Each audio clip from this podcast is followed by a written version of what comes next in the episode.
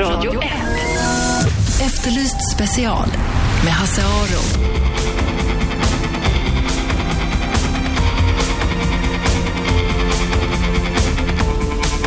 Välkomna hit. Efterlyst special i Radio 101,9, Sveriges nya pratradio. Här kommer jag sända varje torsdag mellan 13 och 15.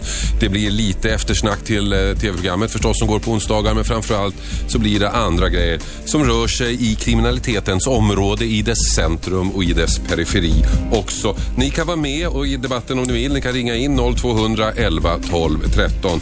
0200 11 12 13. Är det sant att media maskar invandrare men outar svenskar som begår brott? Det vill säga att när en svensk begår ett brott så visar man namn och bild innan den här personen är dömd.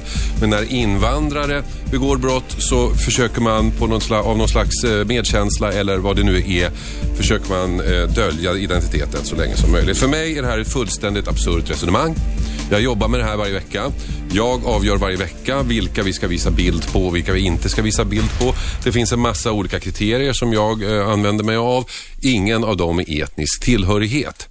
Eh, men som sagt, eh, när jag säger det här till folk eh, som tror att vi håller på med just att hålla på eh, och medömka med invandrare genom att inte outa dem, så tror de inte på mig. De tror att eh, jag är en del av den stora konspirationen. En av mina goda vänner, en mycket klok man, en trevlig man, Leif GW Persson, som eh, i nio av tio uttalanden är otroligt eh, framsynt, klok och genomtänkt. Han tror på den här stora konspirationen, nämligen att vi i media mörkar, att, mörkar invandrare men outar svenskar. Är det sant Leif? Nej, det var jag inget minne av att jag skulle göra. Jag, jag, jag erinrar mig däremot att du och jag satt och grälade om den Just gången det. I Efterlyst, men att lägga det till stöd för något generellt fördömande av, som du säger, en i 90 procent av sin tid klok person, det tycker jag väl att springa iväg lite. Men menar du att, att, att det är så att, att det finns någon slags, någon slags Ja, just den gången måste jag ha menat det, för annars hade jag ju inte sagt det. Nej, Eh, Den där principiella frågan som du tar upp, den vet jag ingenting om. Va. nej. Jag, jag vet inte vad det är som vägleder er. Eh, Jag minns att den gången vi grälade om saken, du och jag, så sa Mm. jag att jag i ljuset av eh, det som hade skickats i form av bild och beskrivning och sådär och förmenta gärningar så efterlyste jag en viss konsistens. Men jag minns också att vi var oeniga, men att vi fortfarande pratar med Ja, det är klart. varandra kan ju, det kan ju inte ha Det är varit klart. så. Men, det, men det, som, allvarligt. det som vi diskuterade då, det var det här Landskrona-fallet. Det var en, en ganska ung man, en eh, flykting från Palestina som hade i samband med bråk om en parkeringsplats utanför ett köpcenter så slår han ner en, en äldre dam. Hon är långt över 70 år, han själv i 20-årsåldern. Hon dör det kommer han så småningom dömas för. Mm. Och eh, honom hade vi inte bild på, men jag vill minnas att vi i samma program hade bild på någon som inte var riktigt lika märkvärdig. Mm. Ja, ja, jag kommer inte ihåg detaljerna. Så det... Nu är det här för att diskutera det här, så du måste Jo, komma jo, ihåg det. jo, visst. Och det går Men- ju redan på kryckor som du hör. Va? Men, Ja. men, men jag kan ju tänka mig att det skulle kunna finnas någon form av sådana skäl i, i bakhuvudet på folk åtminstone. Va? Mm. Eh, inom polisen där jag ju jobbar så är inställningen mycket klar. Vi vill inte att man outar folk förrän de är dömda. Nej. Eh, Och då, ska de, då skiter vi i det. Och anledningen till att om vi lägger ut bilder på dem medan man fortfarande ja, håller på att utreda deras brott och så vidare så förstör, förstör media möjligheten att göra konfrontationer med vittnen och sådana saker. Mm. Sen vet jag ju det att, mm, för jag har ju ändå jobbat 12 år ihop med dig, att just det där bildutläggandet i, i Efterlyst på personer som är eftersökta och ännu inte identifierade i de flesta fallen, den har ju varit utomordentligt effektivt alltså. Mm. Men då vet man ju inte vem man jagar så att säga. Nej, nej, precis. Och sen i det läget då när vi, eh, busen sitter och skakar galler, då, då börjar vi liksom skugga hans ansikte och sådär. Eh, Det är, det är lite lustigt steg i någon rättslig mening, alltså i det läget då vi faktiskt inte vet så mycket om har han gjort det eller inte, då kör vi ut honom va, med pukor och trumpeter. Och sen när vi faktiskt vet det, då, då skickar vi ner gardin. Det, det är lite kul tycker jag. Men jag kan hålla med om att det, att det kan verka konstigt. Men det är ju som du säger, först vill vi ha tag i honom. Mm. Och sen är ju det syftet uppnått. Då finns det ingen anledning att gottas i namnet, eller i alla fall bilden. Namnet har vi ju inte. Men, men ibland var det ju så när vi gjorde de där rekonstruktionerna. Jag kommer ihåg någon gång gjorde vi en rekonstruktion och då skulle vi lägga ut en bild på offret och det var ju en sån här jättebuse. Mm. Och han är då ute på morgonen med sin hund och där tomtar omkring en ganska trevlig person eh, medförande en sån där golden retriever som ungarna älskar att gulla med. Och då kommer jag ihåg att jag frågade, hade han verkligen en sån hund? Nej, nej, fan, han hade två sådana här pitbulls, va? Självklart. Va? Och då tänker jag så här, det, det där finns ju naturligtvis. Eller signalament, kommer jag ihåg, när vi la ut det, va? Eh, Det, det var ju ibland ganska knepiga avvägningar. Alltså det, man, man, helt enkelt så försökte man skymma dem av någon slags, i spaningsmening, ovidkommande hänsyn. Mm, mm. Som hade kunnat Fast ja, det peka där, ut dem det, etniskt. det där, för att vi har en diskussion på vår redaktion om det där. där, där vi, eller jag får ofta eh, frågan, varför säger ni inte att de har utländskt utseende? Och då säger jag, ur, då menar jag ur, ur, rent signalementtekniskt hänseende så är det en värdelös uppgift. För vad är ett utländskt utseende? Ja, det är klart. Men man kan vara mycket mer konkret än så, ska du Mm. Men signalement ska väl ändå vara liksom mätbara kriterier på något sätt? Objektiva kriterier? Ja, visst, visst. Och där ingår naturligtvis olika nyanser av skinnfärg. Mm. Och sånt. Ja, precis. Och hårlag och sådana där grejer. Och hur de pratar är ju inte oviktigt. Och, och det, de kläder de bär inte heller, för de kan ju ibland vara väldigt särskiljande etniskt. Mm. Och jag kan då förstå att man eh, bland välmenande, hyggliga, liberala människor i media, att man då gör den bedömningen att man, eh, man, man struntar i det och så låter man annat råda istället. Så det, det, jag, jag tycker nog, om du vill ha diskussion så tycker jag väl att den inställning som du och andra uppvisar, den är inte alltid alldeles klar. Så ungefär så På vilket sätt då menar du? är lite oklar. Det, jag tycker det vacklar hit och dit och, att, och jag, jag ifrågasätter inte det att man tar den typen av hänsyn, men den är ju inte konsekvent alltså. Eh, Och, och det kanske hedrar er då i någon mänsklig mening. Mm. Men om man ska, eh, om man då ska göra signalement på ett sätt som, som så att säga tolkas av alla likadant. Hur gör man då? Det är ju Ja, är det- jättesvårt, är det inte det? Det är ju inte så svårt när du har bilden till ditt förfogande. Va? Ja. Då kan man ju göra på ett ganska drabbande vis med de felrisker som det kan innebära naturligtvis. Mm. Men om, om, om du har ett eh, vittne då eh, som säger att ja, han, han hade utländskt utseende. Ja, Vad ska du göra med ja, den då uppgiften? får du ju sätta dig med det vittnet och så får han eller hon förklara vad, vad, vad, vad de avser med utländskt utseende. För det, det köper ju inte jag. Va? Jag skulle ju vilja påstå att jag har inget utländskt utseende. Jag ser ut som en mycket trött svensk, men du har ju kanske ett utländskt utseende om man Men det beror på att jag är utlänning. Ja, ja, du ser bara en sån sak, men det är föga vägledande. precis. Eller när man eh, på polisradion säger en mörkhyad man. Eh, Trots att, att det är inte en mörkhyad man i den vedertagna språkliga meningen, utan det är en man som är svart som sot. Mm. Och, och då och så utbryter en etisk diskussion inom polisen på goda grunder om detta. Va? Hur, hur exakt ska man vara? Mm. Eh, Jag tycker att i det sammanhanget, med tanke på syftet, uppdraget, Men det var ju... man vara ju- så exakt som det låter sig göras. Ni lyssnar alltså på Radio 101,9, Sveriges nya pratradio. Ni kan ringa in och delta själva, 0200 11 12 13. Jag heter Hasse Aro. Jag har med mig Leif GW Persson, eh, min tidigare parhäst. Vi pratar om huruvida media mörkar invandrare men visar namn och bild på svenskar som begår brott. Eh, och vi pratar också om det här med signalement och utseende och vad man menar med olika saker egentligen. Eh, Det var ju någon polis som sa i något tillfälle blåneger. Ja, just det. Han blev fälld för mig. Ja. Men som, som signalements, Ja, ja, objektiv ja. signalementsbeskrivning, vad tycker du om det? Jo, visst. Jag vet vad han menar. Ja. Eh, Och alla andra poliser vet det också. Så med tanke på den krets som det riktades till så var det väl rättvisande beskrivning då i den meningen. Mm. Alltså, eh, om jag nu ska vara sådär lite sentimental. Jag, jag minns de där åren när vi jobbade ihop och alla filmade inslag vi hade. Så mycket tydligt visade den överrepresentation som finns inom vissa typer av grövre våldsbrottslighet vad gäller invandrare med därmed förknippade utseenden.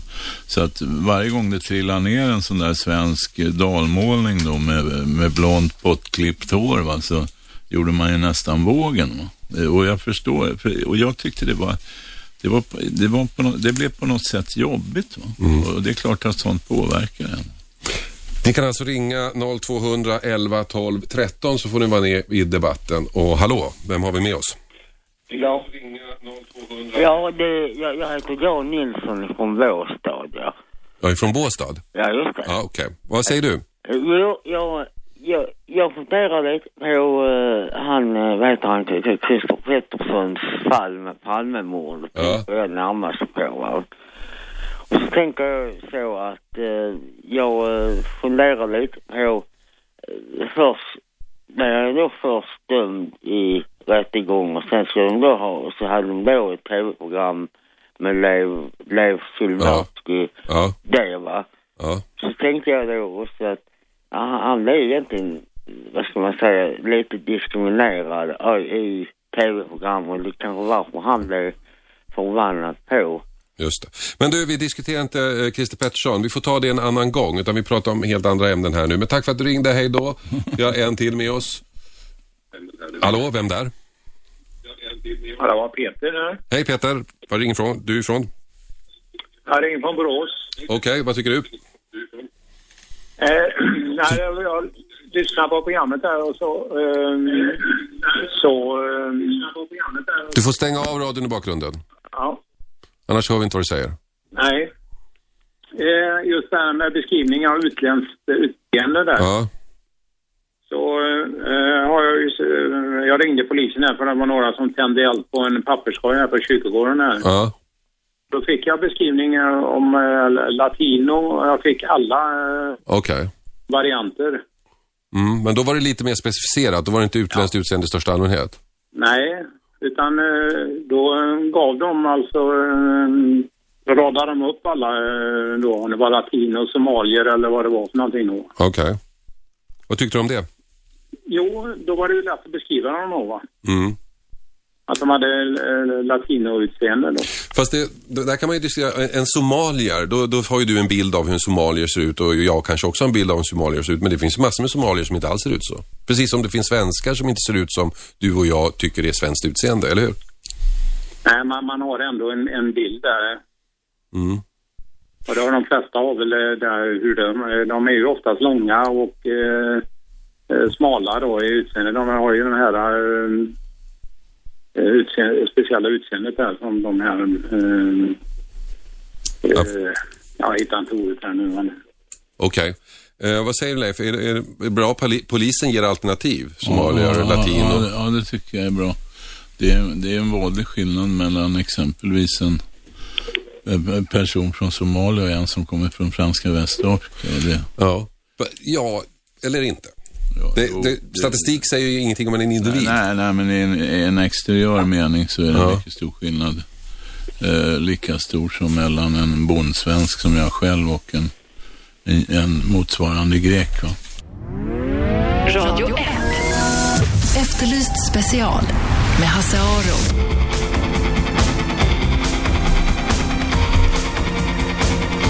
Ja, välkomna hit till Radio 1, 101,9 Sveriges nya pratradio. Ni lyssnar på Efterlyst special som kommer att sända här varje torsdag 13 till 15. Vi har pratat med Leif GW Persson.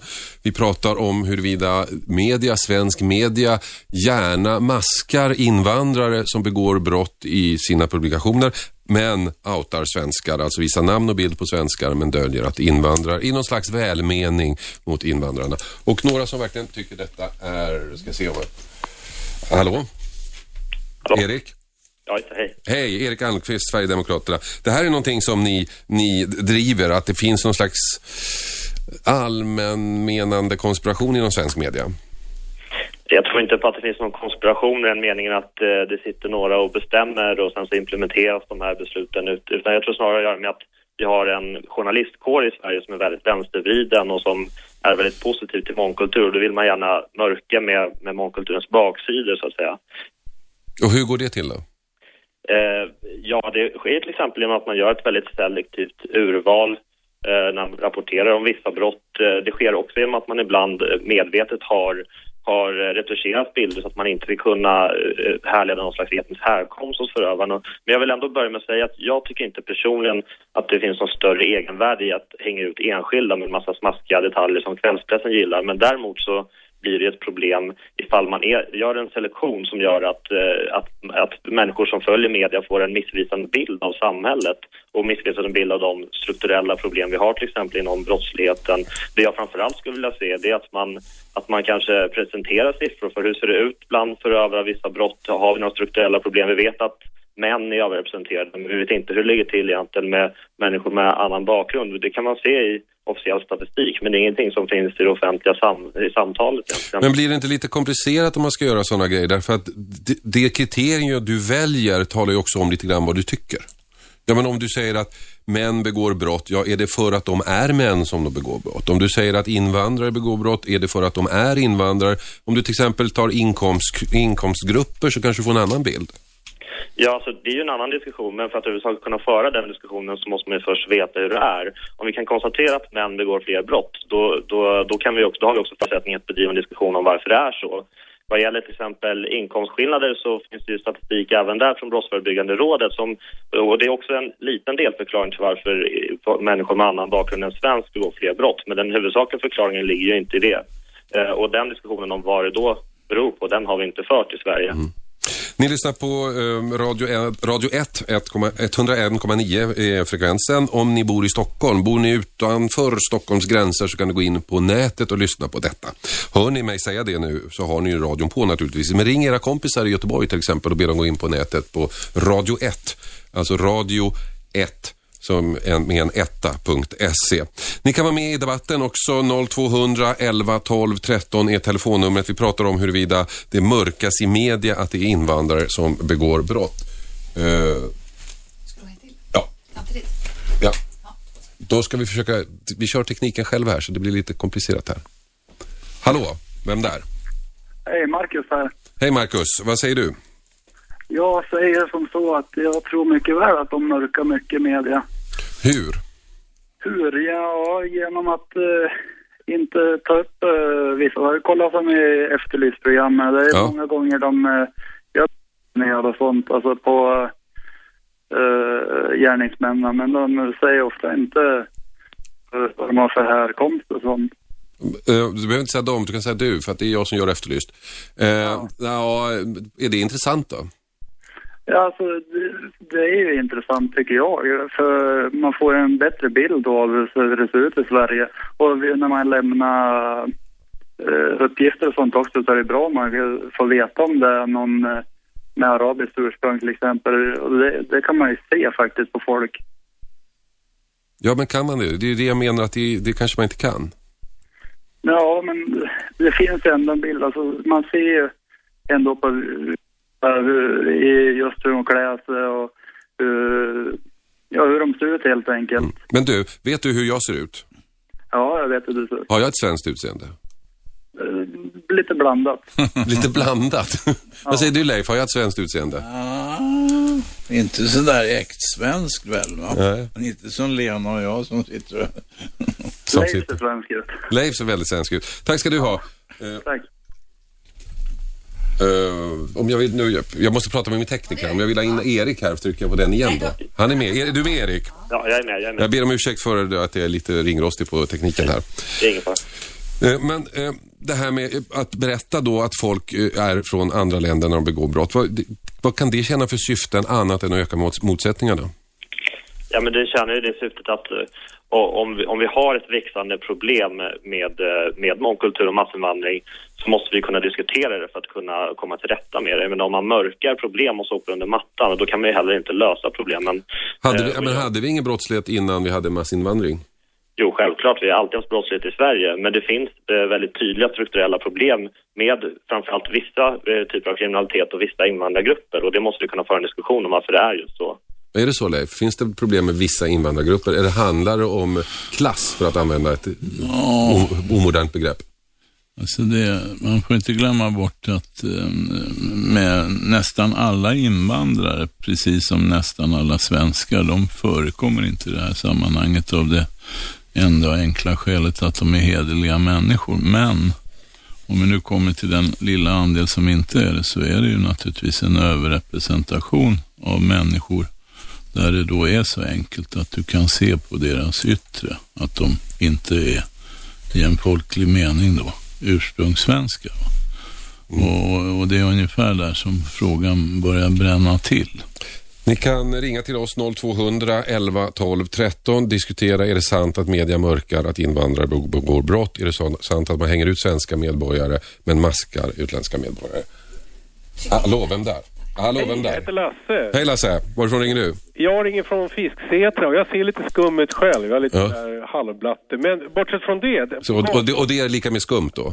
Nej, men jag skojar. Men jag, jag ser lite skum ut i alla fall. Så får du väl tolka det du vill. Nej, men... Eh, jo, för en lång historia kort. Alltså på gatan där jag bor så satt ett anslag. En pensionär som hade blivit rånad med... hade gått med sin rullator från bankomaten. Mm. Hon har sagt upp, satt upp en lapp på anslagstavlan eh, med någon form av efterlysning och rånet det var två gärningsmän, den ene svart och den andra albino som det stod. Ja. Och sen lite senare hamnade den nyheten i lokaltidningen, jag tror det var Nacka Värmdö-Posten och då stod det att det var två gärningsmän varav en var albino. Stod. ja. Så där hade man bara eh, tagit bort den svarta då. Men det här är ett resultat då av den stora konspirationen?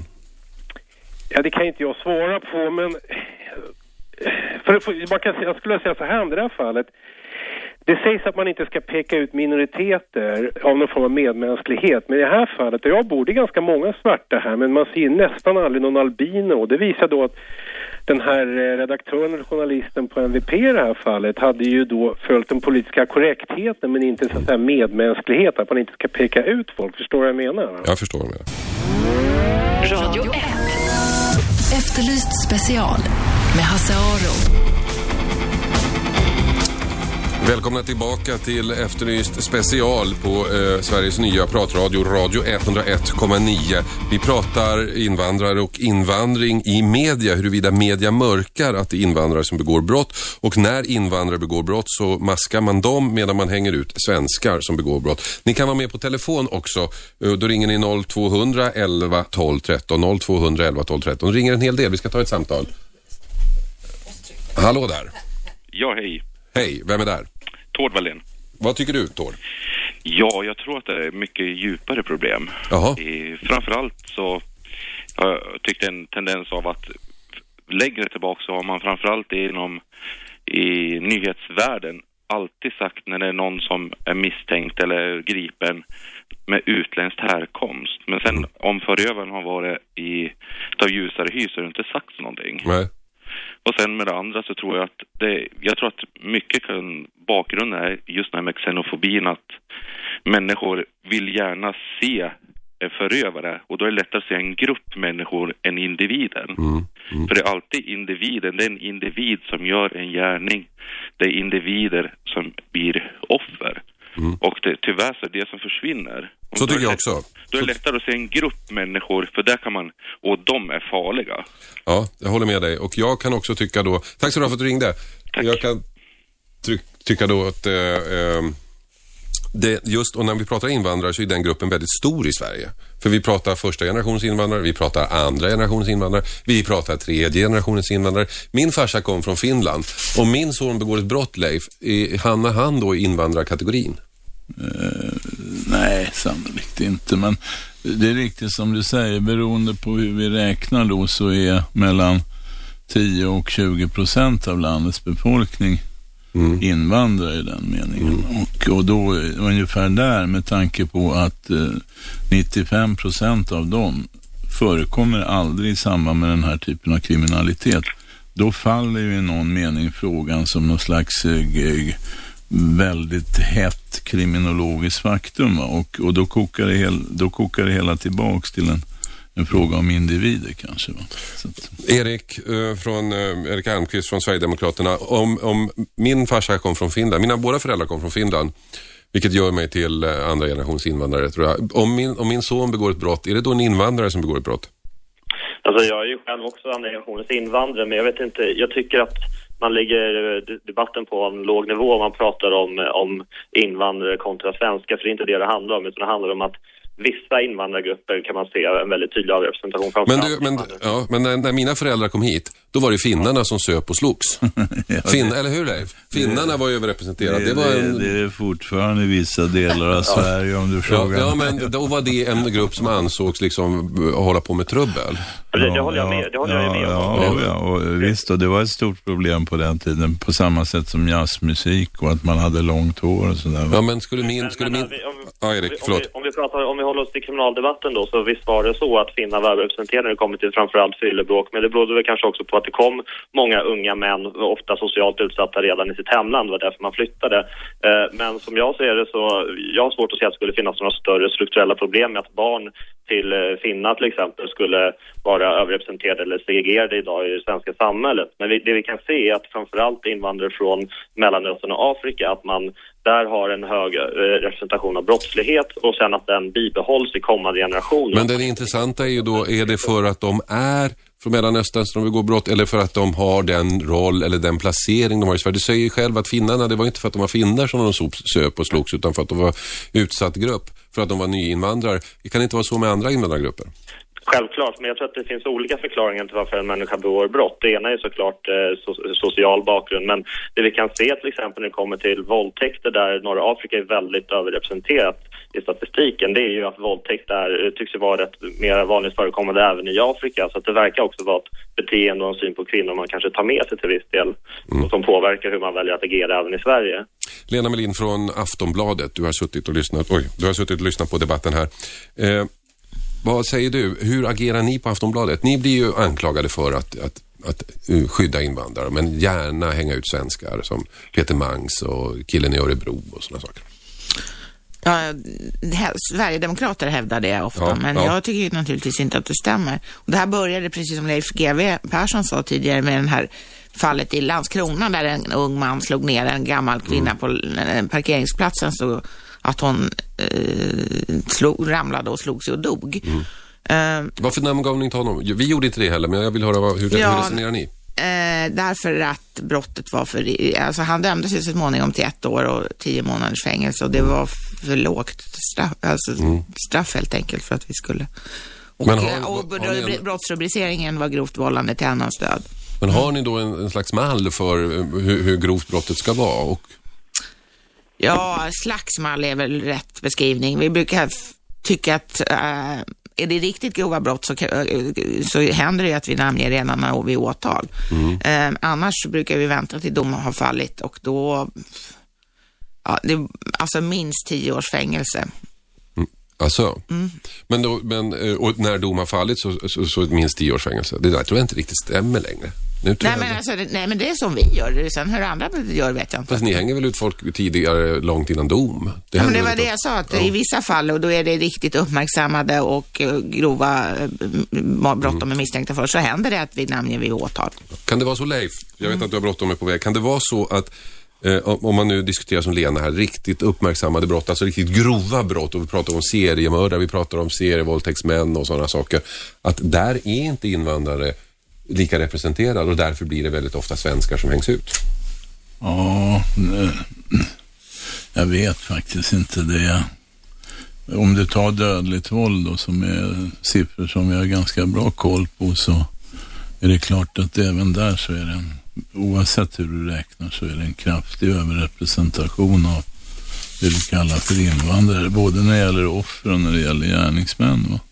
Men, men det finns också en lika kraftig överrepresentation oavsett etnisk bakgrund som gäller social bakgrund. Alltså det typiska mordoffret, den typiska gärningsmannen är, för att uttrycka sig mellan tummen och pekfingret, en person som kommer från socialgrupperna 17 till 87. Va?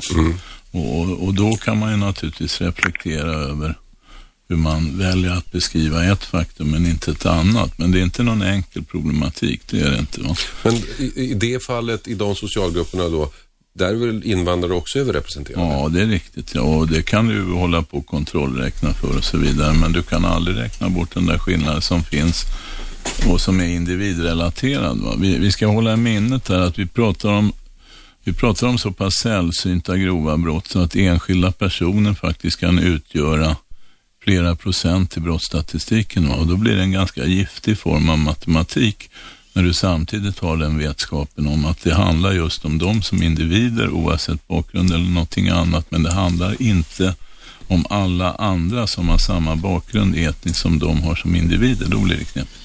Okej, okay, tack Leif. Jag vet att du har bråttom. Du får gärna gå nu om du vill. Tack för att du kom. till jobbet och bekämpa brottslighet på ett mer påtagligt sätt. Det gör du rätt i. Ni lyssnar på Sveriges nya pratradio, Radio 101,9. Vi diskuterar huruvida media mörkar att det är invandrare som begår brott och när invandrare begår brott så maskar man dem medan man gärna hänger ut svenskar. Ni kan vara med 0211 12 13 är telefonnumret. Hallå, vem där? Nej. Jag har inte lärt mig systemet där. Hallå, vem där? Hej, det är Martin. Hej Martin. Är det, jag, har, jag har bara en fråga. Varför ja. hänger man ut eh, svenska långt innan eh, dum kommer jämfört med invandrare? Uh, ja, just det Lena. Är det så att man hänger ut svenskar tidigare, uh, oftare än invandrare?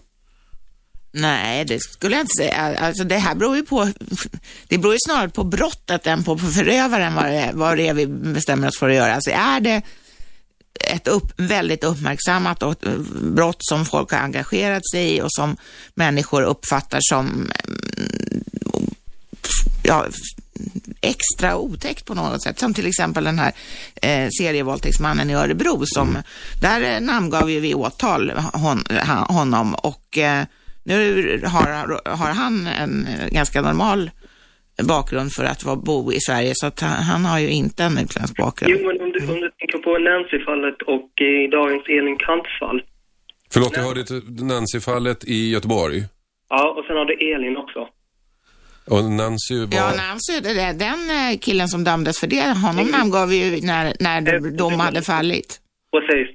Men varför gjorde ni efter domen har kommit? Därför att domen hade kommit. Före. På svenska är det före. Nej, det gör vi inte alls, utan som du kanske hörde nu så... Jag tänkte till exempel Niklas Eliasson, det är du före. Peter Mangs är du före. Ja, men du, du, du, ja. du kan jag säkert rada som exempel. Men om du tar på Elin Krantz, där är han ju namngiven. Och där är, det, där är ju faktiskt så att bevisläget är inte så, så tungt. Nej, jag vet att det är inte tungt. Jag har läst undersökningen, men han är inte namngiven både Expressen eller Aftonbladet till exempel. Mm. Men kan det inte bero på det då, att de väljer att inte namnge honom därför att bevisläget är tunt? Du, du tror inte att det kan vara va en, en, en, del i bedömningen? Hennes DNA på hans kalsonger så är det ändå bevisläget lite gott ändå. Ja, inte, inte som han har gett en beskrivning där. Till skillnad från då andra, så, andra som har erkänt till exempel. Alltså det är den här diskussionen vi har hela tiden mm. även på Efterlyst. Hur ser bevisläget ut? Kan vi outa? Eller vi vänder på det. Vad är risken att vi gör ett misstag? Och eh, ja. jag, i Elin Krantz har vi namngivit honom och jag är så här i efterhand inte helt hundra på att vi har gjort rätt där faktiskt. Nej men alltså kan inte jämföra Efterlyst med Aftonbladet till media eller Expressen till Efterlyst tar ju upp mycket med invandrarbrottsligheten Aftonbladet Expressen. Ja men det är ju heller ingenting som vi har valt att göra. Nej, men det går inte att jämföra. Alltså, nu vill jag bara säga att vi skriver ju rätt mycket om olika brott. Eh, det är, en ganska, det är förhållandevis till exempel med en morgontidning så är en större andel av vårt innehåll handlar om brott. Mm. Och, eh, ja, och då är det, jag skulle vilja säga att vi har en ganska offensiv namnpublicerings policy som helt stöttar sig på pressens etiska regler. Jo, men det... men eh, det, det, betyder ju inte att man kan gå fram som en ångvält och, och namnge folk som kanske nekar. Det går ju absolut alltså, jag, inte. Jag, jag, tycker den här debatten mm. hamnar lite snett. Det är intressant. Det som saknas är kanske inte fler enskilda gärningsmän oavsett svenska eller invandrare som är uthängda med namn. Utan det som saknas är en rapportering som vi kan se i våra grannländer. Till exempel i Norge har man flera år pratat om att det finns en extrem överrepresentation när det kommer till till till exempel överfallsvåldtäkter i Oslo där nästan samtliga har begåtts av icke-västliga invandrare. Och det är en dimension som helt saknas i den svenska debatten. Sen om man hänger ut Men. Uh, ursäkta, uh, det säger Erik Almqvist, Sverigedemokraterna. Ni lyssnar alltså på radio 101,9 Sveriges nya pratradio. Vi diskuterar huruvida media mörkar att eh, invandrare begår brott och om media hellre namnger och hänger ut svenskar än invandrare. Radio 1.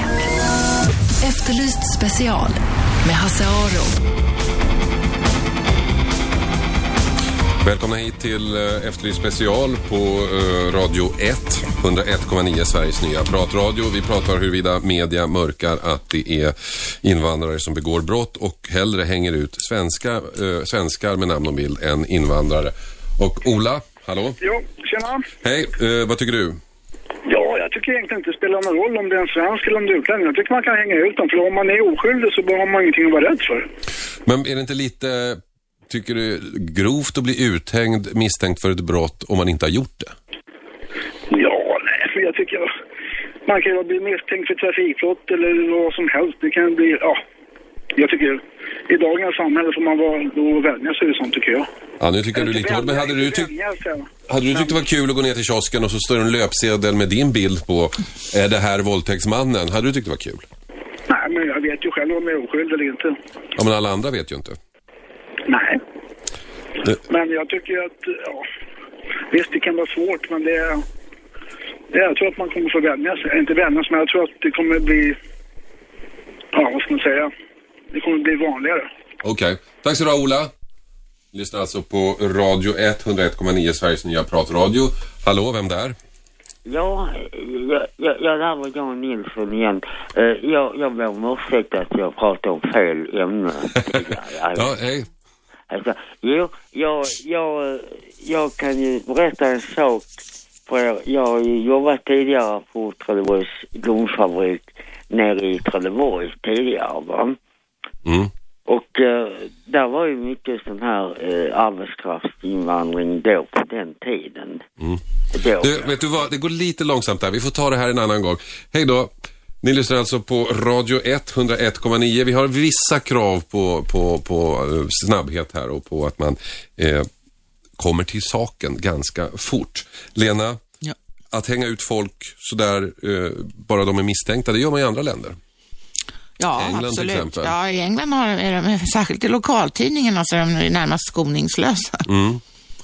Vad- kan, det vara, kan det ligga någonting i det att om man gör det hela tiden så vänjer sig folk och inser att det behöver inte vara sant, allt som står i tidningarna? Ja, så kan man ju naturligtvis resonera, fast själv tycker jag att det, att det, det är ändå... Man kan förstöra en människas liv genom att eh, hävda att den eh, är misstänkt, eller ha, är misstänkt för att jag har gjort någonting som den absolut inte har gjort, eller i, i alla fall inte kan någon bevisa att den har gjort det. Nej. Men om, om det här händer hela tiden, då kanske folk förstår det. Ja, det är möjligt, fast jag tror att man, människor oftast resonerar så här, ingen rök utan eld. Erik, du tycker att det hängs ut för mycket? Det ska jag inte säga, men jag tycker att det kan bli lite fel fokus där eh, fokus ofta blir på den enskilda gärningsmannen om man bottar sig i detaljer. Jag tycker att det ibland saknas ett bredare grepp kring hur ser det ut i samhället, vilka typer av brott det som ökar och varför och vilka grupper ligger bakom och så vidare. Sen tror jag att den här smaskiga detaljen, de kommer i alla fall mer och mer genom internet så att jag känner väl att de etablerade medierna kanske inte borde ägna sig åt det i första hand. Okej. Ni lyssnar alltså på Radio 1, 101,9 Sveriges nya pratradio. Vi pratar huruvida eh, media mörkar att invandrare begår brott och hellre hänger ut svenskar med namn och bild. Ni kan vara med. Ring in 0200 11 12 13. Hallå? Hallå, vem där? Borta med den. Hallå, vem där? Inte där heller. 0200 11 12 13 ringer ni om ni vill vara med i debatten och diskutera. Hallå, vem där? Ja, tjena, det här var Thomas. Hej Thomas. Hördu, jag, jag tänkte på det där som, eh, vad heter det, Aftonbladet, Lena Melin. Ja. Ja, hon sa att eh, de, de eh, ja, hänger ut folk och hänger, inte hänger ut folk. Och så pratade lite om det här med Landskrona. Ja, det som hände i Ja, Landskrona. just precis. Han, eh, Ja, Han som slog, slog ner en, en, en kvinna och, på... hon, och då sa ju hon så här att vi hänger ut folk om det tillräckligt engagerar folk. Och jag tror nog att det gjorde det på den. Nå, Det sa jag inte. Det sa hon inte, nej, nej. jag sa att vi gör det vid åtal. Och, man Ja, kan, och då måste också straffvärdet vara vid, eh, det som man tror att det här... Alltså, åklagaren ska ju inte väcka åtal om man inte tror att personen blir dömd. Nej, Eh, och då eh, så, så måste man tro att det här straffet som personen i så fall kommer att få har, är lite högre, det var det jag sa, än ett Ja, år och tio jag månader. Ja. Men, annars är det, men samtidigt är det klart att man ska hänga ut folk, det tycker jag också. Men sen får det vara någon re- reson på det hela oavsett om man är ja, nordisk eller inte. Det är skitsamma. Jag menar, har man gjort det och det är tillräckligt grovt då ska man hänga ut dem tycker jag absolut. Okej Thomas, tack så mycket. Hallå, vem där? Ja, vad har kommit? Du har kommit till Radio 1, 101,9 Sveriges nya pratradio. Vart har du ringt? Ja, ja men det är er jag ringt. Ja, vad bra. Du är i luften nu. till Lena Melin där om det går Ja, absolut. Varsågod, fråga. Shoot. Ja, hej. Eh, Göran heter jag. Hej. Jag har funderat lite på eh, att man eh, eh, bevakar den här Örebromannen väldigt flitigt, vilket är helt rätt. Men samtidigt så har vi en eh, pedofil som härjar i Stockholm och förgriper sig på kanske upp till 50 barn. Varav de har bevis för ett antal av de här övergreppen. Varför har man inte bevakat det på samma sätt som Örebromannen? Det finns ju många Örebromän, men men- menar du den här som, mannen som, som tog sitt liv nyligen? Eller? Nej, du menar nog våldtäktsmannen i Örebro, eller hur? Ja, våldtäktsmannen. Ah, okej. Ja. Eh, ja, nu sysslar inte jag dagligdags med eh, kriminaljournalistik så jag vet uppriktigt sagt inte vilken diskussion som ligger bakom eh, det om, om, hur mycket vi har satsat på den här som du berättar för mig om pedofilen. Jag känner heller inte igen den här pedofilen med 50 barn. Vad, kan du berätta mer? Ja, det är en Farsta-pedofilen kallas han. Ja, det är han, okej. Är det så många barn? Ja, enligt eh, vad polisen så kan det vara upp till 50 barn då, varav ett antal i varje fall har, han ju, har de ju hittat bevis för. Ja, Och jag, jag tror att... det är lika allvarligt som att förgripas och våldta kvinnor som har förgripit Absolut, men är den här personen gripen? Ja, jag antar att han är gripen. Ja, han är gripen nu om det är som vi tänkt på. Men jag tror att ett skäl till att det är lite tystare om det är att både polis och åklagare lägger locket på när det gäller den här typen av fall. Mm. Så att det är väldigt svårt att få fram uppgifter, till skillnad från när det är brott som drabbar vuxna människor. Mm. Jag, det- jag vet inte om det är det just det här Det här fallet. hade stort, eh, stort mediavärde, om inte annat faktiskt. Men, nej, men det kan ju hända att, eh, alltså jag, jag känner inte till då varför vi, vi inte har, har skrivit så mycket om det här, men det kan ju mycket väl vara så att om det leder till åtal att vi kommer att skriva om det då. För då får man ju veta väldigt mycket. Om det inte är sekretessbelagt förstås. Radio 1. Efterlyst special med Hasse Aro. Välkomna hit, Efterlyst special i Radio 1, 101,9 Sveriges nya pratradio där vi pratar hela tiden. Just nu så pratar vi brott och annat som ligger inom Efterlyst-sfären. Det kommer vi göra varje torsdag mellan 13 och 15. Vi har pratat invandrare invandrarbrott brott första timmen. Nu ska vi prata om något helt annat. Tänk dig att du råkar ut för ett brott, ett grovt brott. Tänk dig att du blir dömd till skadestånd. Ett skadestånd som du inte tycker på något sätt täcker det du har varit med om, men det är ändå ett skadestånd. Tänk dig då att förövaren inte har några pengar och det har han ju inte. Då tror du kanske att staten går in och betalar det här skadeståndet. För det finns en myndighet, Brottsoffermyndigheten. Ja, det gör de, men inte alls det du blev dömd till, utan kanske mycket mindre. Det här har inträffat flera personer. Eh, Lisa i eh, Göteborg. Väl, eh, Lisa i Göteborg, välkommen. Ja, tack så mycket. Hej. Eh, du, berätta om vad som hände din son Patrik. Ja, och för två år sedan ungefär så blev han nedslagen och brutalt misshandlad av fyra okända gärningsmän Mm. inne på stan när han var på väg ut för att festa för första gången. För han hade börjat på universitetet. Mm. De eh, slog ner honom och sparkade honom sönder och samman i ansiktet. Och eh, han fick åka ambulans upp och han har idag tre titanplattor inopererade i ansiktet. Plus att han har 17 skruvar insatta.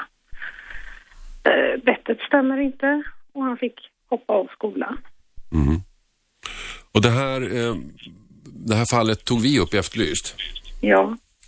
Och eh, vi kan väl säga att Patrik kunde inte, han kände inte gärningsmännen och han kunde inte identifiera dem. Och som tur var så hade polisen, hans kompis hade tagit numret på spårvagnen så att polisen kunde via de bilderna från spårvagnen få vittnen att peka ut vilka killarna var. Men därefter så kunde de inte ta reda på vilka de var, vad de hade för namn. Utan de fick bilder på dem. Ja, precis. Och de, de visade vi efter. det, ja, utifrån det så var det Efterlyst som visade. Mm. Och, då, och då kan man ju tro att det här, då blev det rättegång och grejer. Att, att där, där fick ju ni er, er upprättelse, eller hur? Precis. Och man, man, man trodde ju det. Vi har aldrig råkat ut för något liknande. Så på något sätt så hade man ju en, en bild av att eh, rättegången och sen så skadestånd.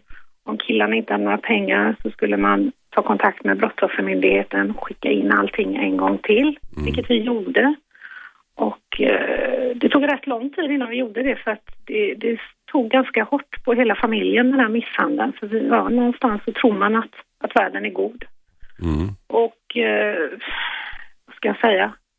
Äntligen fick vi in dem och så en dag när vi kom hem så låg det ett brev från Brottsoffermyndigheten och Patrik slet ju naturligtvis upp det. Och då visade det sig att han fick 1800 utav de 42 000 som han var tilldömd. Mm. Domstolen sa att han skulle få 42 000 i skadestånd Ja, och Brottsoffermyndigheten eh, jämkade ner det till ut. 1800. ja. Hur kände ni er då? Det känns som man blir spottad på. Mm. Det känns eh, fruktansvärt. Ska du, häng, häng, kvar, häng kvar Lisa. Eh, vi har med Ingrid också på telefon från eh, Norrköping. Hallå Ingrid. Hej. Jag vet inte om du har hört, hörde vad Lisa berättade alldeles nyss? Jo, jag hörde. Ja. Och kan du berätta lite grann, v- berätta om vad som hände dig?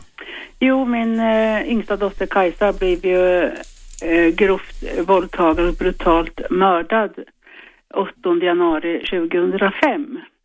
Och, eh, och förövaren eh, hittades efter ett par månader och sen började ju det här med rättsprocessen och det Det här. här var en ganska uppmärksammad händelse då när det hände 05 och när de fick tag i den här killen så visade det sig att han hade gjort en annan våldtäkt också. Ja, Och eh, det, ni, det blev rättegång. det blev eh, rättegång både tingsrätt och hovrätt och det gick ju även upp till, eh, eller det, blev ju aldrig prövningstillstånd i Högsta domstolen men ja, förövaren provar ju även där då men det gick ju inte då. Mm. Han nekade till det här kan vi säga. ja, det gjorde han.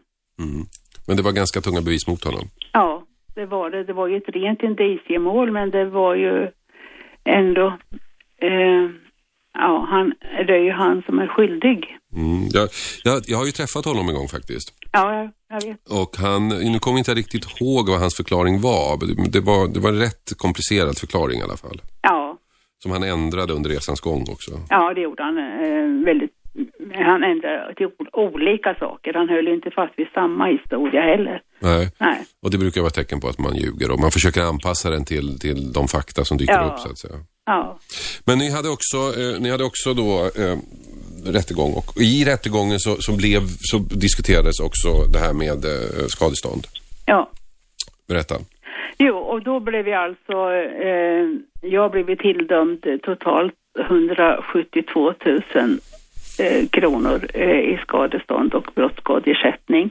Och eh, Kajsas systrar blev också tilldömda och Mm. Kajsas pappa och totalt tror jag vi hade ungefär eh, ja, 450 000 någonting tror jag totalt då. Som ni skulle få i Som skadestånd. vi skulle få i skadestånd. Av den här. Ja, av den här mannen då. Mm. Och eh, ja, Kajsas pappa han fick ut, för de, de var ju efter praxis och då eh, som det krävdes, det var inget mer. Jag, för mig krävde de mera bara för det var så ovanligt brutalt mord. Mm. Och eh, för systrarna med krävde de mera, men systrarna har ju inte fått något och jag har fått eh, 39 000 utav 172 000. Då. 39 000 var det du fick ut. Ja. Och det tog ganska lång tid. Ja, det tog, eh, det tog väldigt lång tid. Det tog eh, över tre år från där jag började och när, när äntligen det här beslutet kom, alltså jag har ju också överklagat de gånger man kan till samma myndighet som också är helt extremt konstigt att det är så. Så är det ju så att eh, jag fick inte ut några pengar i alla fall fast jag fick beslutet, jag tror det var i juni 2009. Och sen blev jag väldigt sjuk så att jag, ja, det var väl naturligtvis följd av allt det här eländet. Så jag kunde inte em, fixa det här med att, att fråga Brottsmyndigheten. Det var en reporter som gjorde det till sist. Ja. I januari 2010 fick jag pengarna. Ja. Med påstötning av reportern. Ja, och vad fick du för förklaring till att man skrev ner att, att, att man hamnade på just 39 000 istället för 172 000? Ja, det var ju det att eh, jag hade ju krävt pengar från att jag inte hade kunnat arbeta och det, de tyckte jag hade varit fullt arbetsför så jag fick 12 000 kronor för att jag hade varit arbetslös för att Kajsa dog. Mm. Eh, Så de tyckte att jag borde ha kunnat arbeta istället. Och jag, ja, det säger sig självt att man inte kan. Eh, Det är ju så. Men eh, det var deras förklaring till det. Och praxis var det bara 50 000. Jag har ju fått 25 000 med från försäkringsbolaget då. Ja. Lisa, eh, vad fick du för förklaring till att, att ni fick bara 1800? Vi fick ingen förklaring. Och ni ringde inte och frågade heller? Nej, det gjorde vi inte. Står det inte Ja, på, jag har aldrig sett de här utbetalningskorten, men står det inte någon slags förklaring på dem? Nej, nej, det gjorde inte. Vad säger du när du hör Ingrids historia? Ja, det är fruktansvärt. Det är ju ännu värre än vårat, känner jag. Mm. Det, det, det får inte gå till så. Alltså, då kan man lika gärna lägga ner Brottsoffermyndigheten för då slipper man att hoppas på att någon upprättelse ska komma. Men var det det du trodde att du skulle få av Ja, Brottsoffermyndigheten? in, inte jag, men min son. Han Mm. hoppade av skolan idag. Han har inte fortsatt. Han var jätteduktig i skolan. Han hade kunnat vara färdig. Han hade gått tredje året på universitetet nu efter sommaren. Mm. Kanske varit klar. Eh, ni lyssnar, inte. Ja, ni lyssnar alltså på Radio 101,9, Sveriges nya pratradio. Vi diskuterar reglerna för skadestånd till brottsoffer i Sverige. Det är ju så att man blir tilldömd ett skadestånd av, brottsoff, av av domstol eh, och kan inte förövaren betala, vilket han oftast inte kan, så går ärendet över till eh, Brottsoffermyndigheten och där blir det helt andra belopp vi pratar om. Eh, vi har med oss Lisa vars son blev misshandlad i Göteborg som blev tilldömd, vad var det Lisa, 42 000? Ja. Och ni fick ut 1800. ja. Och så har vi då Ingrid i Norrköping vars dotter Kajsa mördades 2005. Eh, Hon blev tilldömd 172 000 och efter några år fick hon ut 39 000 kronor. Eh, Ingrid, staten säger ju att det är inte de som ska betala skadestånd. Eh, nej, det, det gör de ju också. Alltså, men det här borde ju egentligen vara så här i, i domstolen. Alltså när man sitter i, i tingsrätten första gången man gör de här skadeståndsanspråken så borde det talas om att eh, man får inte pengar om gärningsmannen inte har några. Det vore ju vettigt tycker jag. Eh, för det här är ju inte förenligt med, med eh, i en rättsstat att det ska vara så här. Det märkliga är ju att du har ju en domstol som är liksom den högsta beslutande organet när det gäller, när det gäller lagtolkningar i Sverige. Ja. Och så kan deras beslut så att säga att överklagas eller köras över av en annan myndighet. Ja, som, ja. Och, sen, och den myndigheten eh, kan, är ju suverän till att eh, fixa det här då. Va? Så att man överklagar ju hos dem och, Mm. och hela tiden. Och det säger Man överklagar deras beslut hos dem så att säga. Ja, och det, det tycker jag är rent horribelt. Man kan inte överklaga till samma, samma ställe för då, då blir ju samma beslut. Mm. Ja, det är klart. Ja, det är klart att det blir. Eh, Så att det är ju fullständigt vansinnigt alltihopa. Men det är ju på tal nu att det, att det ska bli en ny skadeståndslag. Mm, jo, vi ska höra mer om det senare. Eh, för med oss justitieministern också på band Mm. lite senare. Men Lisa, du, du, du, du eh, sa tidigare, har du, du skrev till mig förut och då sa du att du önskar nästan att det här inte blev uppklarat, att det här, den här misshandeln som din son råkade ut för. Ja, jag kan känna att det var inte värt det. Det var inte värt allt som vi har gått igenom.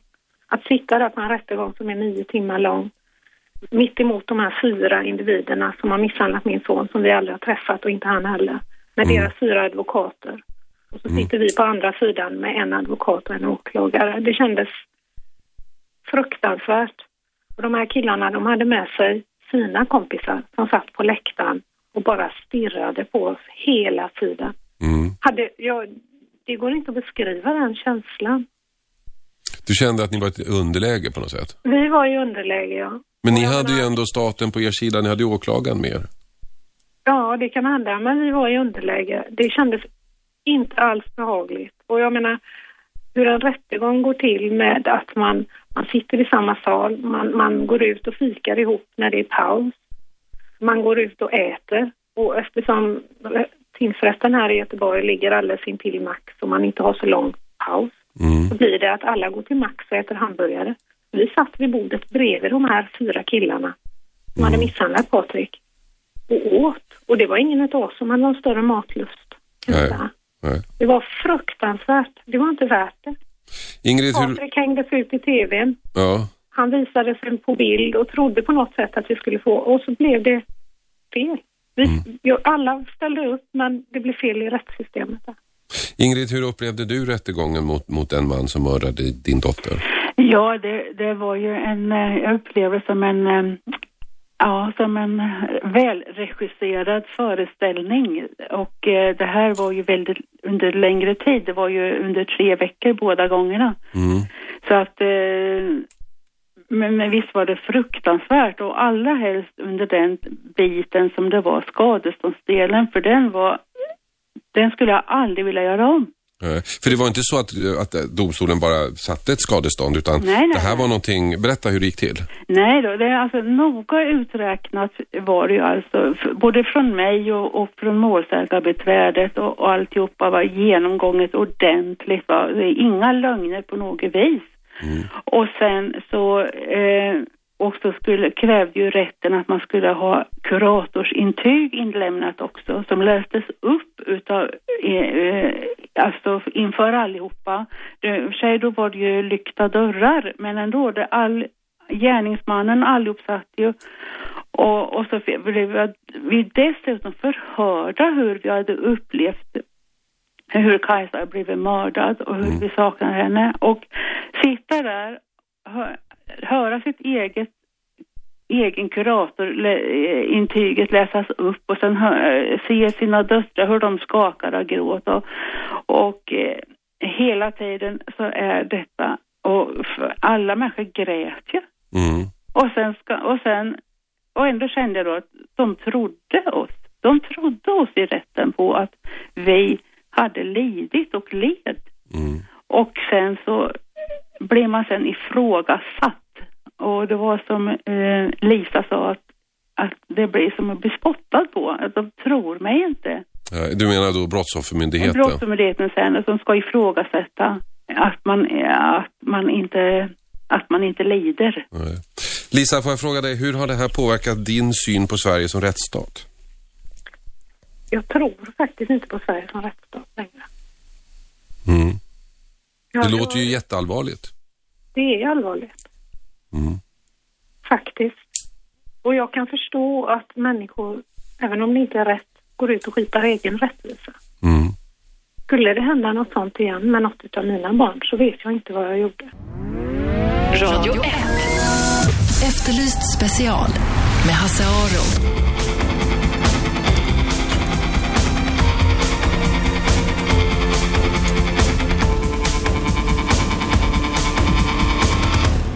Välkomna hit, Hasse Aro heter jag. Ni lyssnar på Radio 1, 101,9, Sveriges nya pratradio. Efterlyst special, ett program som går eh, varje torsdag mellan 13 och 15 där vi pratar om brott, kriminalitet och allt som rör sig i det området och följer upp eh, gårdagens Efterlyst i TV3.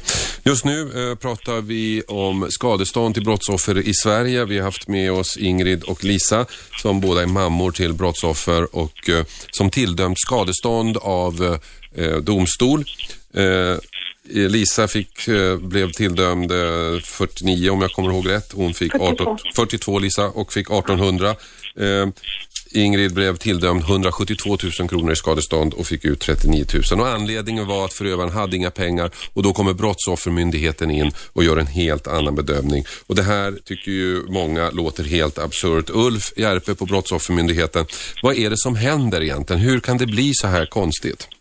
Ja, det gäller ju att hålla de här olika ersättningstyperna isär om man ska kunna förstå varför det blir på det här viset. Mm. Den som utsätts för brott har tre olika möjligheter att få kompensation eh, med anledning av den här brottsutsattheten. Och det ena och och det som det är tänkt att man i första hand ska få, det är ju skadestånd. Mm. Och det, då krävs det ju att man vet vem gärningsmannen är och att han, han döms och att han dessutom har pengar. Den andra möjligheten att få ersättning det är att man får ersättning via sin egen hemförsäkring eller någon annan typ av försäkring. Och i sista hand, om man inte kan få ersättning genom skadestånd eller försäkring så kan man vända sig till Brottsoffermyndigheten då och få den statliga brottsskadeersättningen. Men det är alltså olika ersättningstyper och det är delvis olika regler som gäller för de här olika ersättningstyperna. Så att man har blivit tilldömt ett skadestånd innebär alltså inte med nödvändighet eller att man har en ovillkorlig rätt att få samma belopp i Men varför inte? Ja, man har helt enkelt gjort den bedömningen att eh, den som har vållat den här skadan har ett större ansvar eh, att stå för dem, den skadan som man har vållat än vad staten har. Staten har ju själv tagit på sig ett visst ansvar att, att hålla brottsoffer skadeslösa genom brottsskadelagen, men, men som sagt det är inte en ovillkorlig rätt, utan det finns vissa begränsningar i brottsskadelagen som, som gör att det inte alltid går att betala ut brottsskadeersättning. Men det, jag förstår att du kan inte gå in på de fall vi har haft här för du kan ju inte dem. Men hur kan det komma, vad, vad är det då rent praktiskt som kan göra att en, ett, ett skadestånd på 172 000 kronor som ändå är rätt mycket pengar hamnar till sist på 39 000? Vad, är, vad kan det vara för omständigheter som liksom motiverar det?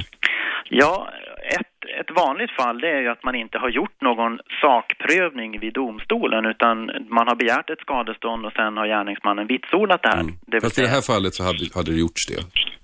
Vad finns det andra för skäl då? ja, om vi pratar om, om det fall jag tror du har så gör man i hovrätten ingen prövning av, Aha, av skadeståndet utan där vitsordas de här beloppen.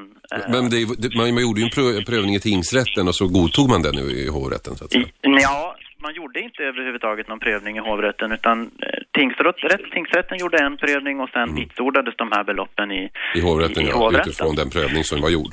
Och när man då sen kommer till, till Brottsoffermyndigheten så rör det ju då en, en annan ersättningstyp, eh, brottsskadeersättning och det är delvis andra regler. Och eftersom det blev vitsordat i hovrätten då inte prövades i den sista instansen eh, så ska Brottsoffermyndigheten göra en ordentlig genomgång av, av det här ärendet. Och då kommer vi fram till delvis andra eh, belopp då än, än eh, vad man har kommit fram till i tingsrätten. Och det har eh, delvis att göra med att, att man inte har kunnat visa vid Brottsoffermyndigheten eh, sjukskriv, sjukskrivningstid och det har också att göra med att, att eh, tingsrätten inte har följt den praxis som HD har lagt fast. Men kan du förstå att brottsoffer tycker att det här är märkligt på gränsen till förnedrande? Jag kan absolut förstå att brottsoffer tycker att det här är, är märkligt. Eh, särskilt om man tror att eh, man har en ovillkorlig rätt att få samma belopp i brottsskadeersättning. Och, och det här är ju någonting som vi försöker ta till oss och försöker arbeta aktivt med att informera om att det är inte säkert att man kommer att få samma belopp i brottsskadeersättning. Men det är ju viktigt att komma ihåg att nu tar vi upp två fall här.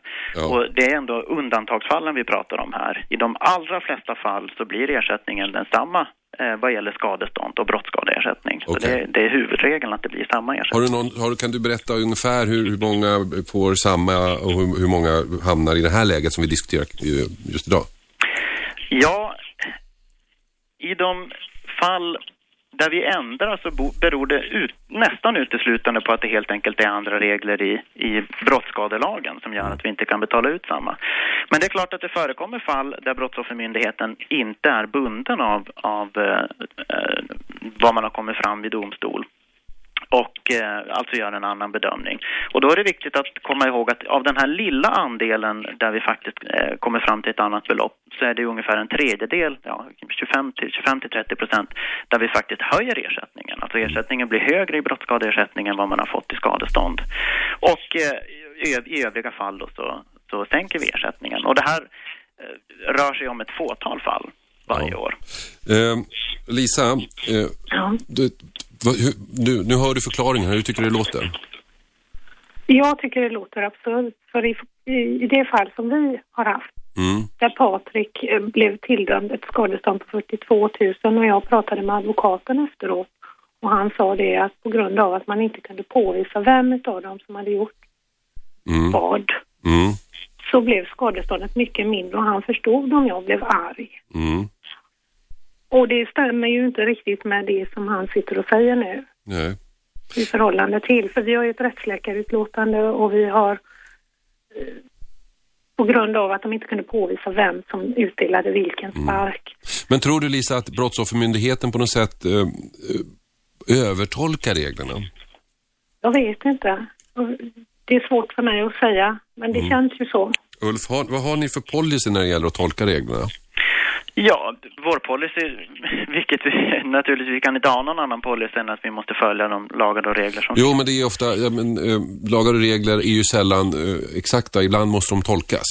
Ja, det är alldeles riktigt. Och i, i, I det här fallet som vi pratar om nu så måste jag ändå fråga om det har utgått någon annan ersättning. Det, det låter som ett väldigt stor skillnad mellan vad som är utdömt och vad vi har betalat ut. Har det till exempel utgått någon försäkringsersättning eller har, något, har man fått något Ja, belopp han, har i skadestånd? fått 20, 000 han har fått 20 000 utav försäkringsbolaget. Skulle det förklara att det blev le- lägre hos er då menar du Ulf? Ja, absolut. Eh, Den statliga brottsskadeersättningen kan ju bara komma i fråga om man inte får någon ersättning någon annanstans ifrån. Så att vi blir alltså tvungna att avräkna eventuell annan ersättning som man har fått genom skadestånd eller försäkring. Du, jag får Det fråga... bästa är att inte ha någon försäkring då. Det blir, det blir ju väldigt konstigt. Ja, det, måste det du blir ju väldigt själv. konstigt. Och då undrar jag Ulf, eh, jag menar du jobbar ju med det här dagligen och träffar brottsoffer och sådär. Finns det, kan man, eller jag hävdar, att det ligger ett systemfel i det här. Att det är feltänkt från början. Jag tror, inte att ni gör fel, jag tror inte att ni gör ett dåligt jobb, men att, att det, det är feltänkt helt enkelt. Ja, då måste jag fråga vad, du, vad i systemet du, är, du tycker är fel. Jag, ty, jag, ty, jag är ju en enkel människa. Jag tycker att har man blivit till, prövad ett skadestånd i domstol, blivit tilldömd det, så ska staten betala det om inte förövaren kan det. Ja, alltså det är ju ett eh, enkelt sätt att se på saken, men det finns ju som jag redan var inne på några komplicerande faktorer då. Till exempel om man har fått försäkringsersättning. Då kan man ju naturligtvis tänka sig då att den som har försäkring ska få dubbel, dubbel ersättning. Det får en ju, om, om förövaren har pengar, då får man väl dubbel ersättning. Det, det är ett tänkbart scenario, absolut, att, att man får både skadestånd och försäkring. Men när vi talar om våra gemensamt inbetalda skattemedel och den här statliga ersättningen så har man beslutat att det ska vara på det viset att har man fått ersättning någon annanstans ifrån så, så kan man inte också få brottsskadeersättning. Radio 1. Efterlyst special med Hasse Aro. Jag välkomnar hit till Efterlyst special Radio 1, eh, 101,9 Sveriges nya pratradio. Det här är alltså en kanal där vi pratar dygnet runt, ingen musik. Ni kan höra den i Stockholm på radion 101,9. Om ni bor i en annan del av Sverige och hör mig nu, då har ni redan räknat ut hur man gör. Men ni kan berätta för er granne att han kan gå in på Radio 1, alltså radio 1 med en etta.se och där kan han höra det här programmet. Vi pratar just nu om skadestånd till brottsoffer i Sverige därför där har vi, vi har ett system som jag tycker är lite märkligt. Om du blir utsatt för ett brott och blir tilldömd ett skadestånd av domstolen och förövaren inte har några pengar och det har han inte så eh, träder en annan myndighet in, Brottsoffermyndigheten, och de gör en egen bedömning. Vi har med oss på telefon Lisa som fick, eh, blev tilldömd 42 000 kronor i skadestånd. När Brottsoffermyndigheten var klara så fick hon 1800. Vi har med oss Ingrid vars dotter mördades och hon fick, fick eh, 172 000 tilldömt i skadestånd av domstolen. Men eh, när Brottsoffermyndigheten gjorde en annan bedömning så blev det bara 39 000 för en mördad dotter. Vi har pratat med Brottsoffermyndigheten och det är ingen som påstår att de gör fel. Eh, däremot så påstår jag att eh, systemet är fel. Lisa, håller du med mig? Ja, absolut. Jag tycker att kan, kan eh, man betala med skattemedel advokaterna så kan man också ge brottsoffren sina Mm. pengar och så får i sådana fall samhället driva in pengarna från förövarna senare. Mm. Argumentet är ju då att det är inte samhället som har begått eh, brottet. Nej, men det har inte offret heller. Nej. Ingrid, vad, ja, Ingrid, vad säger du? Du håller med mig också när, när jag, jag tycker att systemet är helt fel. Ja, det är helt, helt horribelt. Mm. Ja. Vad skulle man göra istället tycker du? Ja, jag tycker ju att det ska vara så som, eh, som de gör i Norge. Då betalar de ju ut direkt efter tingsrätten och det är, alltså, det är helt orimligt att kräva att brottsoffret ska kräva skadevållaren. På, eh, man får göra hela jobbet själv. Ja, så är det i Sverige idag också. Inte nog med att man inte får det här eh, skadeståndet, det man ska också kräva in det. Ja, man ska, man ska kräva in det. Man ska själv kolla att skadevållaren har pengar Mm. inom Kronofogdemyndigheten och sen ska man själv göra det här med Brottsoffermyndigheten. Där, där går inte eh, samhället in och hjälper en med att målsägarbiträdet hjälper en med, med den här saken, utan det får man helt och hållet göra själv. Jag tycker ju då att det här norska systemet låter ju bra. För mig är det som med bidragsförskott, det vill säga om, om, eh, någon, om en kvinna blir med barn och är ensam med sitt barn så får hon pengar av staten alldeles oavsett om pappan betalar eller inte. Staten går in och garanterar det här beloppet. Och eh, sen så är det en, en, en, affär mellan staten och pappan att eh, försöka driva in pengarna.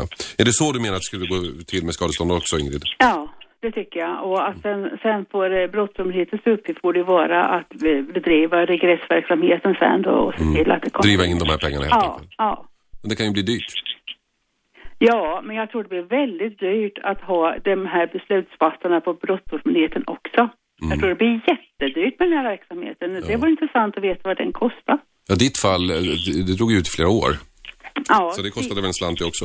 ja det måste det göra. Det kanske kostade mer än de här 172 000 som Ja, du jag skulle ha fått. tro det. Men alltså, det är ju egentligen en, en i sammantaget är det ju en liten summa, 172 000 egentligen. Jag träffade justitieministern igår och pratade om detta. Vi pratade dels om det här att, att brottsoffret själv ska driva in pengarna och att det är en affär mellan brottsoffret och offret och det tycker hon är inget bra system och det håller hon på att ändra på nu. Men hon sa också att när det gäller det här systemet med, med skadestånd så har hon tillsatt en utredning och det är ju politikerspråk eh, och det betyder att man kanske ska göra förändringar i det här. Så här sa Beatrice Ask när jag träffade henne igår. Utredningen sitter, för det här är ett Men vad problem. är, om du försöker förklara, ja, vad är problemet? Alltså för Ja, problemet- moraliskt tycker jag det är väldigt enkelt. Staten går in, betalar skadestånden Nej, och kräver men det är ju inte staten som har begått brottet. Nej, men staten Det- kan vara schysst? Det handlar inte om att staten ska vara schysst utan skadeståndet handlar ju om att den som har begått ett brott Mm. eh, på något sätt ska gottgöra och ersätta Mm. skador som man har stått för kanske. Och, och det är en viktig princip. Eh, Det är inte staten som har begått det här brottet. För att om man drar ut det här i sin förlängning så kan man få en känsla av att ja, men det här sköter staten, då slipper jag jag tar mitt ansvar. Och det är det man också vill undvika. Att den som begår ett brott får känslan av att ja, men det här löser någon annan. För då har ju inte Men påföljden... staten kan ju kräva pengar av förövaren. Ja, jo då. Det, det finns lösningar på detta. Det, jag säger inte att det är så. Men grundprincipen är ju den. Och det är det som ställer till det lite grann. Vi har ju ett, ett annat bekymmer som, som jag tror att vi är på väg att lösa. Eh, när man har dömt ut ett skadestånd så är det ofta ungdomar det handlar om. Eh, då vill de flesta så snabbt som möjligt göra sig av med det här. Men då har man tänkt sig att eh, den som då har begått ett brott ska ta kontakt med brottsoffret och säga hej, det var jag som slog ner dig. Eh, Jag är skyldig dig de här pengarna enligt domstolen. Kan jag få din adress och ditt telefonnummer? Men de flesta brottsoffer vill överhuvudtaget inte prata med den här personen. Alternativt, de ska alltså söka kontakt med varandra direkt. Det där gör att det inte fungerar. Sen kan man då vända sig eh, till myndigheter och annat och få hjälp. Men det här gör att dels blir många eh, som ska betala skadestånd Eh, inaktiva. Eh, de blir skyldiga därför att eh, de, de inte betalar sina skadestånd och brottsoffer får inte det de ska ha.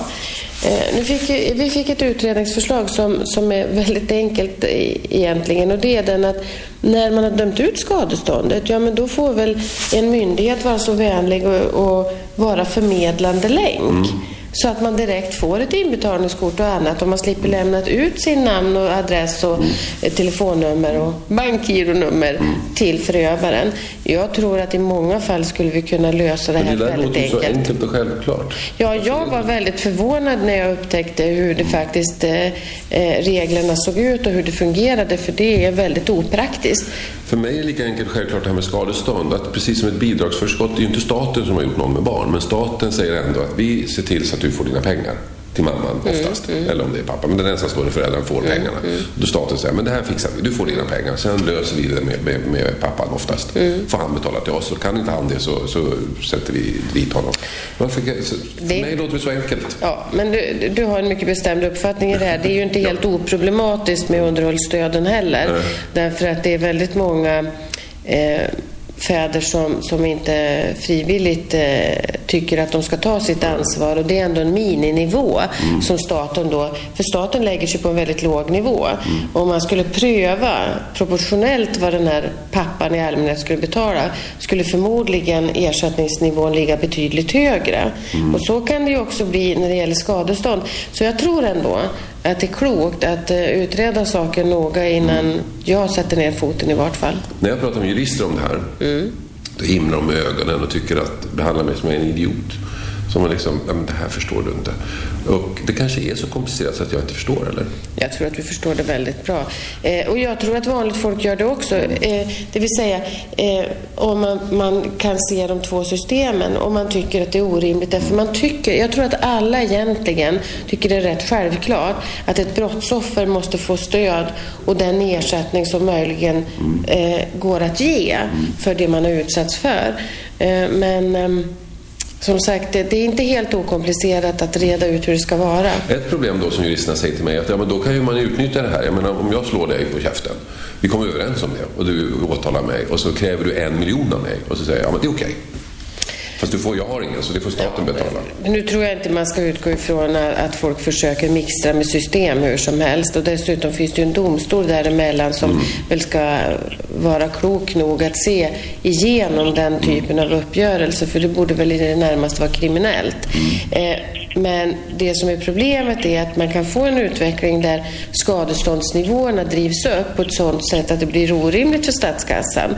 Och då kommer man till frågan, ja men ska man då sätta gränser på vad domstolen kan handla om eller ska man läggas på en mininivå? Och det är det här som är viktigt att fundera över. Och det är också det som egentligen är bakgrunden till att man har två separata system eh, där Brottsoffermyndigheten då kan lägga sig på en lägre nivå.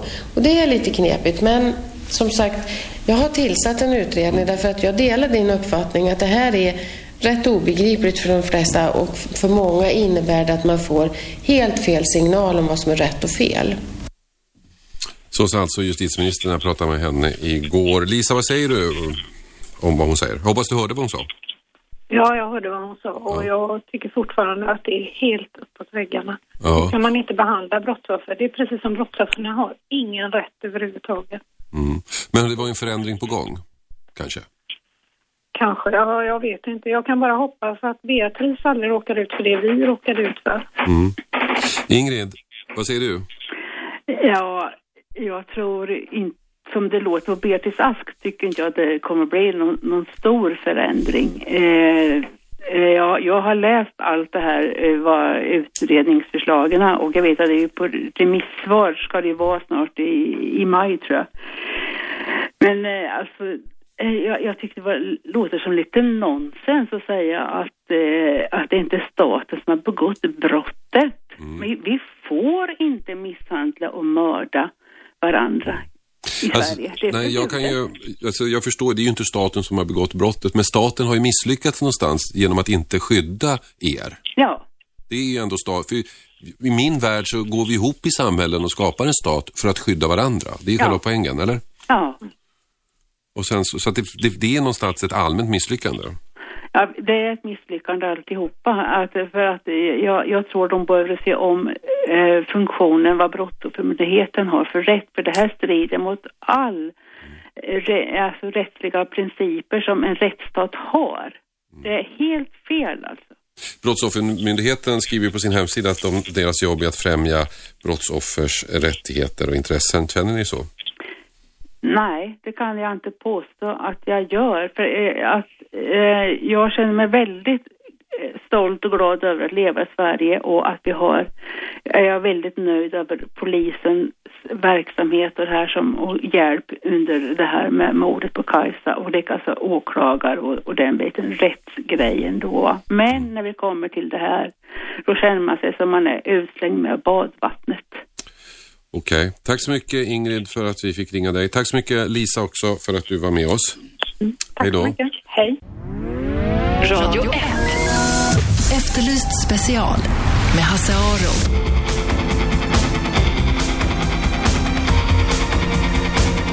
Ja, ni lyssnar alltså på den första sändningen i radio av Efterlyst, Efterlyst special varje torsdag 13 till 15 här i Radio 1, Sveriges nya pratradio. 101,9 är frekvensen om ni bor i Stockholm. Bor ni inte i Stockholm så kan ni gå in på nätet och lyssna på den här radiostationen eh, Radio 1 med en etta, radio1.se. Där kan ni höra eh, den här stationen. Och eh, vi har diskuterat eh, allt möjligt idag. Vi har diskuterat eh, huruvida eh, invandrare skyddas i media när de begår brott medan svenskar hängs ut hej vilt. Vi har diskuterat skadestånd eh, för brottsoffer och de ibland regler som uppfattas som absurda eh, kan skriva ner skadestånd från till exempel 42 000 till 1800 kronor.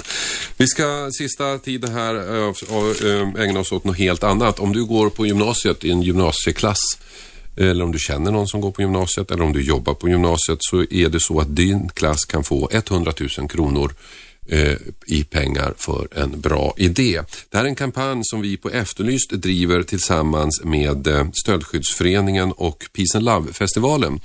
Och kampanjen går ut på att vi vill ha in idéer på hur ni vill att en antivåldskampanj ska se ut. Alltså vad är er idéer på en bra kampanj mot våld? Eller hur Annika? Det är så man skulle kunna formulera det. Så är det absolut man kan formulera det och eh, hela idén är ju att unga ska ge ett budskap till unga. Mm. Så att eh, vi tror att det kommer bli en väldigt kreativ idé. Säger alltså Annika Brännström som är eh, verkställande direktör på Stöldskyddsföreningen, Svenska Stöldskyddsföreningen.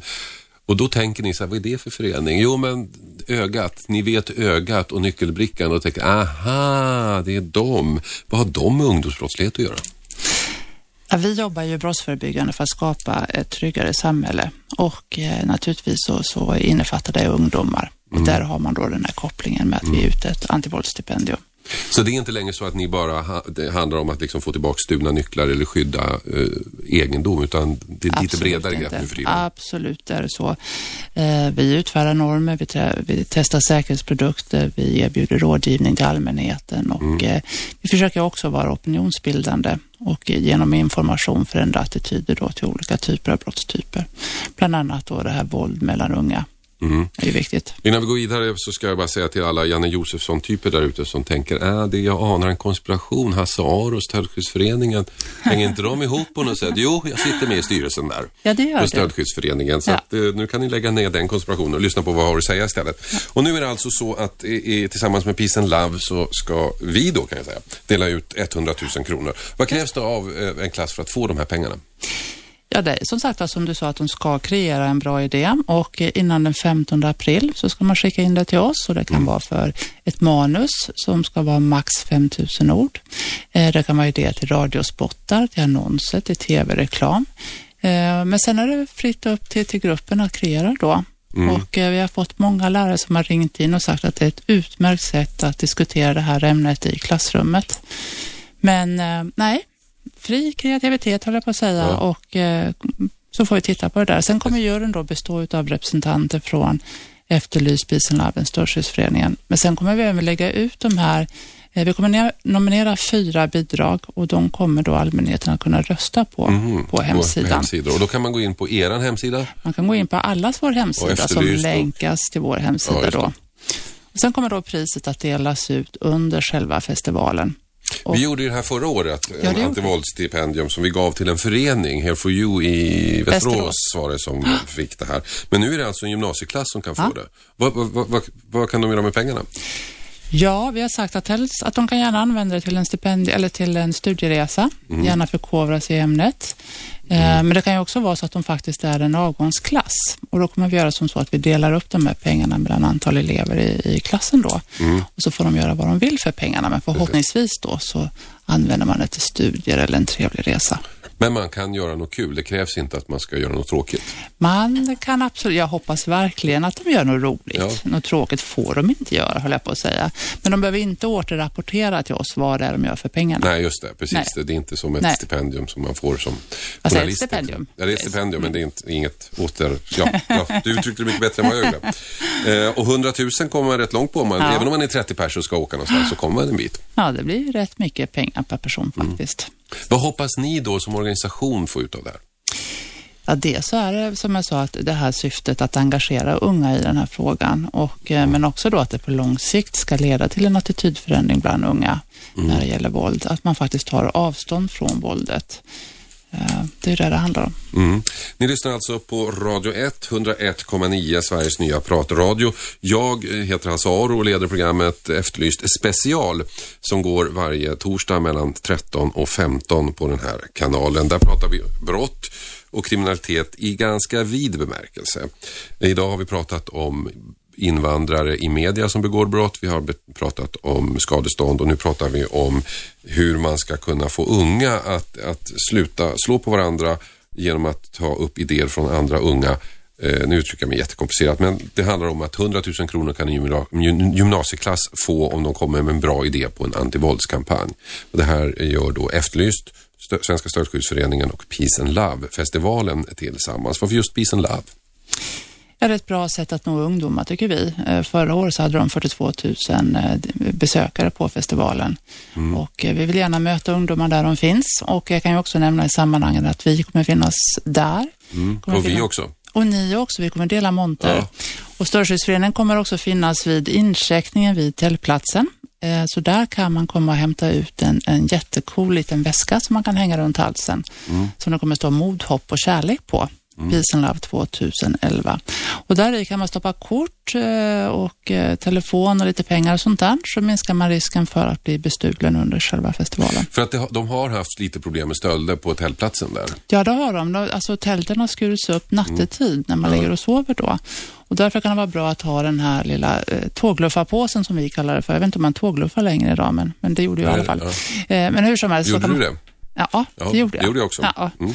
Eh, och då kan man ha den runt halsen och förhoppningsvis då vaknar man om, om eh, man hör att någon eller att någon skär upp tältet. Man kanske inte hör det, men man kanske känner i alla fall. Ja, precis. Och, och jag tror att om man skär upp ett tält så går man inte in och Nej. gräver i påsar som folk har runt halsen, hoppas jag i alla fall. Men eh, ni kommer att vara där, alltså Störskyddsföreningen Efterlyst kommer också vara där i, när det är sommar förstås. 28 juni till 2 juli. Mm. Och eh, välkommen till vår, jag vet inte om man säger monter, men där kommer vi finnas då med Efterlyst. Och monter eller, eller eh, ja, och sånt. Mm. Fin kommer vi ha i alla fall. Bob Dylan kommer, Bob Dylan. vilket våra ungar skiter i, men vi tycker det är rätt kul. vi så får väl lyssna på Hoola Bandoola Band också. Ja, tack så mycket Annika för att du Tack. kom hit. Eh, Efterlyst special i Radio 1 är slut.